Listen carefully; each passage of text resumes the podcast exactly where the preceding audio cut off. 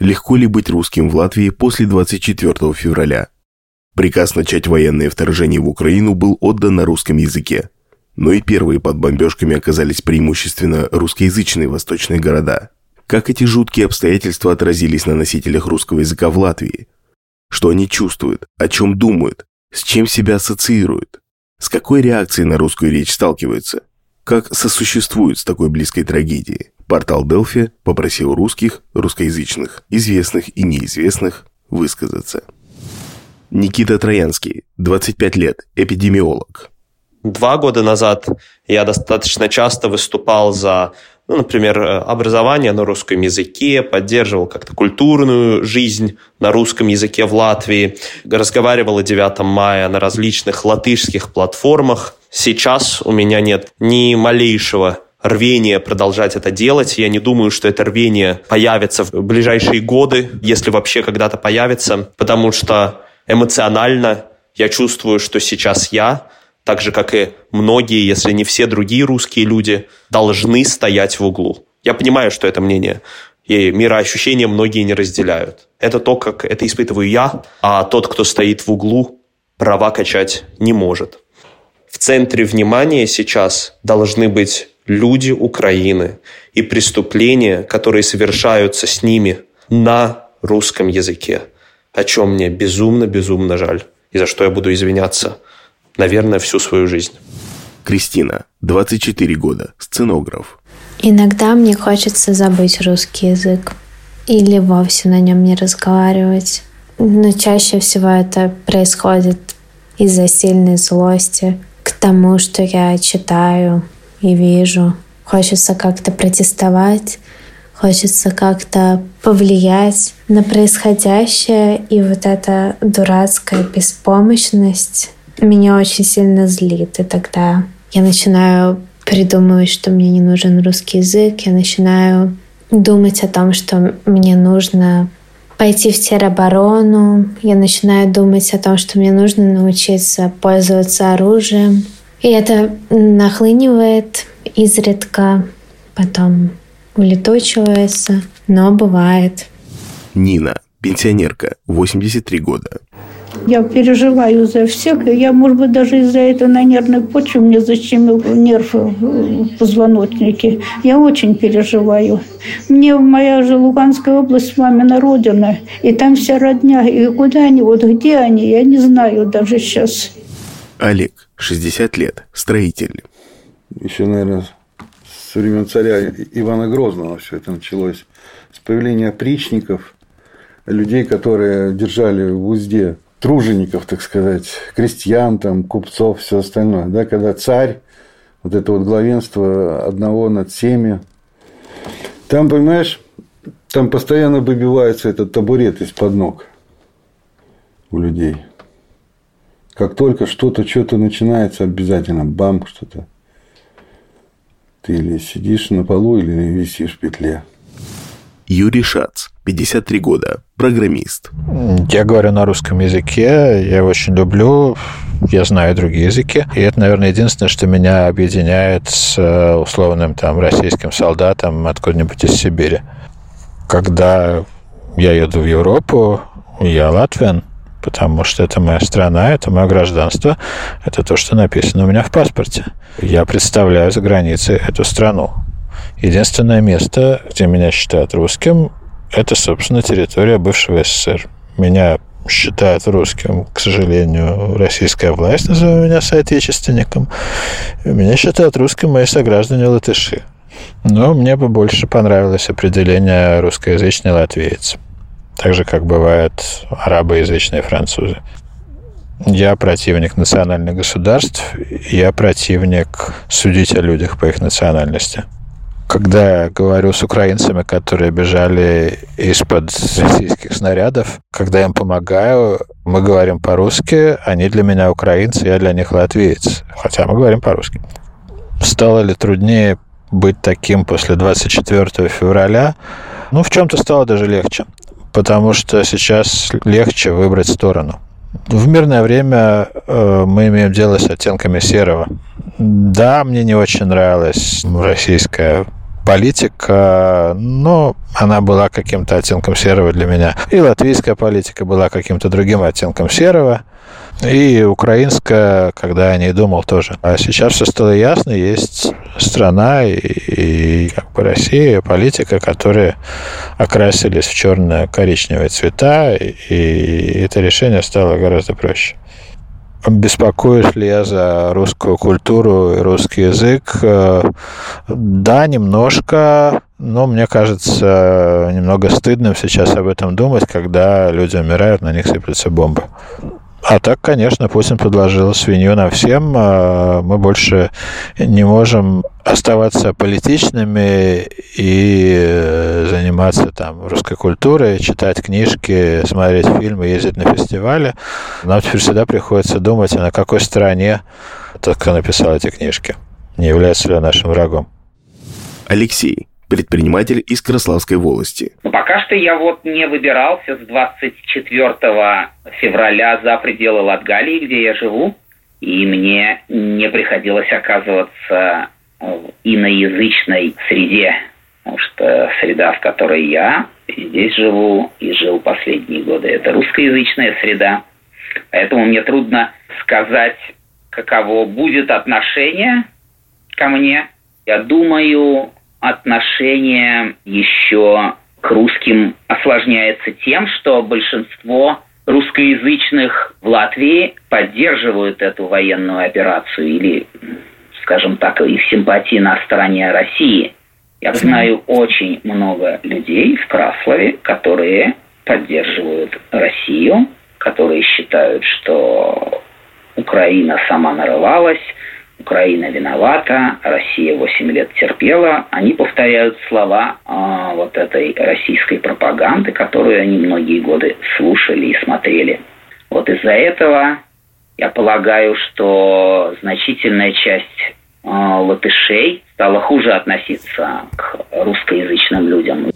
Елена Матикубова, председатель Общества русской культуры Латвии. Сложно быть порядочным человеком. Вот тут я бы не выбирала по этническому принципу. Павел Гагнидзе, предприниматель. Я не чувствую никакого стыда или ответственности за то, что я русскоязычный. Я не знаю, можно ли меня в полной мере назвать русским, но наполовину я русский. Но я думаю, что самое важное здесь это разделять конкретных людей, конкретные группы людей. Многие, кто обладает способностью к анализу, понимают, что эта война, помимо того, что это гигантское преступление против Украины, это еще и огромное преступление против России. Это не в интересах России. Э, мы, как э, русские в Латвии, мы побочный эффект, мы такие сопутствующие потери на этой войне. Конечно же, мы пострадаем, и мы пострадаем как экономически, так, возможно, ну, я думаю, что мы уже очень сильно страдаем психологически и переживаем это гораздо сильнее, чем, может быть, какой-то условный, более нейтральный ко всему житель там Швеции там, или Норвегии. И, и, конечно же, страдают наши интересы и наша социальная защищенность, наша политическая. Я думаю, что репрезентативность в парламенте напрямую пострадает, конечно же, и это совершенно естественно. Инга, санитарка, Краслова. Я хочу, чтобы Латвия была страной для своих местных, чтобы мы уважали ее, любили. Вот не надо нам чужаков. Да, и у нас два языка, и русский, и латышский. Все мы живем дружно, и много у нас э, этих национальностей. Как бы у нас конфликтов никогда не было. А в связи вот с этой ситуацией сейчас начинают вот разжигать страшновато. В маленьких городках нормально пока еще чувствую себя. Но, честно, я боюсь встретиться с э, украинскими беженцами. Я не знаю, какая будет реакция. А в большой город, допустим, ту же Ригу, например, я бы не хотела. Мне. Ирина Кузнецова, исполнительный директор фестиваля «Лампа». Война ведется от имени русского мира, но это не мой мир, и я не хочу отказывать быть причастна к этому. Мне кажется, что каждый русский, каждый, у кого родной язык русский, должен осознать, что Путин, а именно коллективный Путин, объявил нам войну. Нам всем, русскому языку, культуре, своим же согражданам, русскому кино, литературе, театре, свободу слова и мысли. коллективному Путину безразличны люди и общественное благо. Ему глубоко наплевать не только на благо русского и русскоязычного, живущего в Харькове, Мариуполе, и Риге или Даугавпилсе, ну и на благо своего народа, своих граждан, которых он гонит в бездну, в нищету. Он тянет нас в мир страха, несвободы, смерти, войны, боли, расчеловечивания. Он заманивает сладкими речами, затуманивает на шум. Лариса, 53 года, Даугавпилс, работник культуры. Ну, конечно, стало быть русским немножко боязно. Раз русский враг, то получается автоматически я враг ни за что и ни про что, потому что я русская. Даже обслуживание в магазине бывает такое, что то ли нарочито молчаливое, то ли нарочито небрежное, потому что я заговорила на русском. Вот, с этим я уже как бы сталкивалась. Русский, и ты все, ты уже с клеймом. Юрий Скоробогатов, кинорежиссер, я родился в Латвии, и мой родной язык русский, ну, я латышский русский. Да, то есть я в России там бывал, ну, там несколько раз в жизни. С Россией себя не ассоциирую, я ассоциирую себя с Латвией. И я, честно скажу, ну, вот лично для себя я проблем не ощущаю, потому что я не считаю, что я, как э, русскоязычный человек из Латвии, там, ну, в чем-то виноват. Да, поэтому, э, но, э, естественно, я осуждаю агрессию и невероятно больно, что такие вещи ну, происходят. Регина, 70 лет, пенсионерка, Краслова. Ну, я скажу так, особенно на меня это не повлияло. Ну, просто если я раньше не задумывалась об этом, то сейчас как-то этот вопрос вышел на передний план. А, вот. Ну, в основном мы вместе с подружками собираемся, обсуждаем эту ситуацию, у всех разные мнения, и каждый ну, по-разному выходит из этой ситуации. Но, в общем, мнение у, вас, у нас у всех одно. Все мы против войны, против военных действий. Все мы очень переживаем за судьбы тех, кто попал в этот так называемый котел. И с одной, и с другой стороны кругом люди – но так получается, что мы можем выразить только какие-то свои чувства и мысли, ну, только этим повлиять, как говорят, на исход этих событий. А большего нам пока как бы не дано. Максим Бусил, 29 лет, актер. Мои чувства касательно всего этого, просто это какой-то ужас, который я не могу понять, когда он закончится. Просто я боюсь уже того, что он никогда не закончится. Но я понимаю, что да, у меня внутренняя тревога, что, как говорил Хармонис, наши латыши, не, не трогайте русских в Латвии, они наши. Потому, конечно, мне сразу такое ощущение, хочется внедриться в латышское что-то, чтобы быть э, востребованным, не ассоциироваться с русской агрессией. Но я понимаю, что вроде бы, слава богу, все разумно, мы не ассоциируемся, потому что, опять же, мы русские свои здесь. Мы не, типа, не за агрессию Путина, не за войну в России, мы за мир и против этой войны. Ну, просто настолько непонятно, что будет. Татьяна, 55 лет, социолог, организатор школы сеньоров, Краслова. Я не считаю себя русской. И более того, я не считаю себя вообще этнически принадлежащей к какому-то народу. В этом смысле я космополит. Ну, то есть я чувствую себя international. Другое дело, что гражданская принадлежность у меня Латвия. И в этом смысле я латвийка. Поэтому не знаю, что можно сказать, хорошо ли русским, или плохо, или было лучше, стало хуже. Не могу сказать. Обострение какого-то на личном своем опыте со стороны латышскоговорящих людей тоже не чувствую, потому что ну, откуда бы оно взялось, если мы одинаково видим ситуацию, мы одинаково обо всем судим, то есть ну, нет причин для этого. В любом случае, я не общаюсь, наверное, с такими людьми, которые могли бы что-то такое огульно сказать или сделать. Э, ну, просто не сталкиваюсь, поэтому трудно сказать об этом. Анна Фаныгина, дизайнер украшений. Русским быть теперь вроде как сложнее. Но если говорить конкретно о себе, я не почувствовала никакого специфического отношения или изменения. Хотя на, на плечах э, какая-то возникла тяжесть от новой ответственности по сохранению образа цивилизованного русского.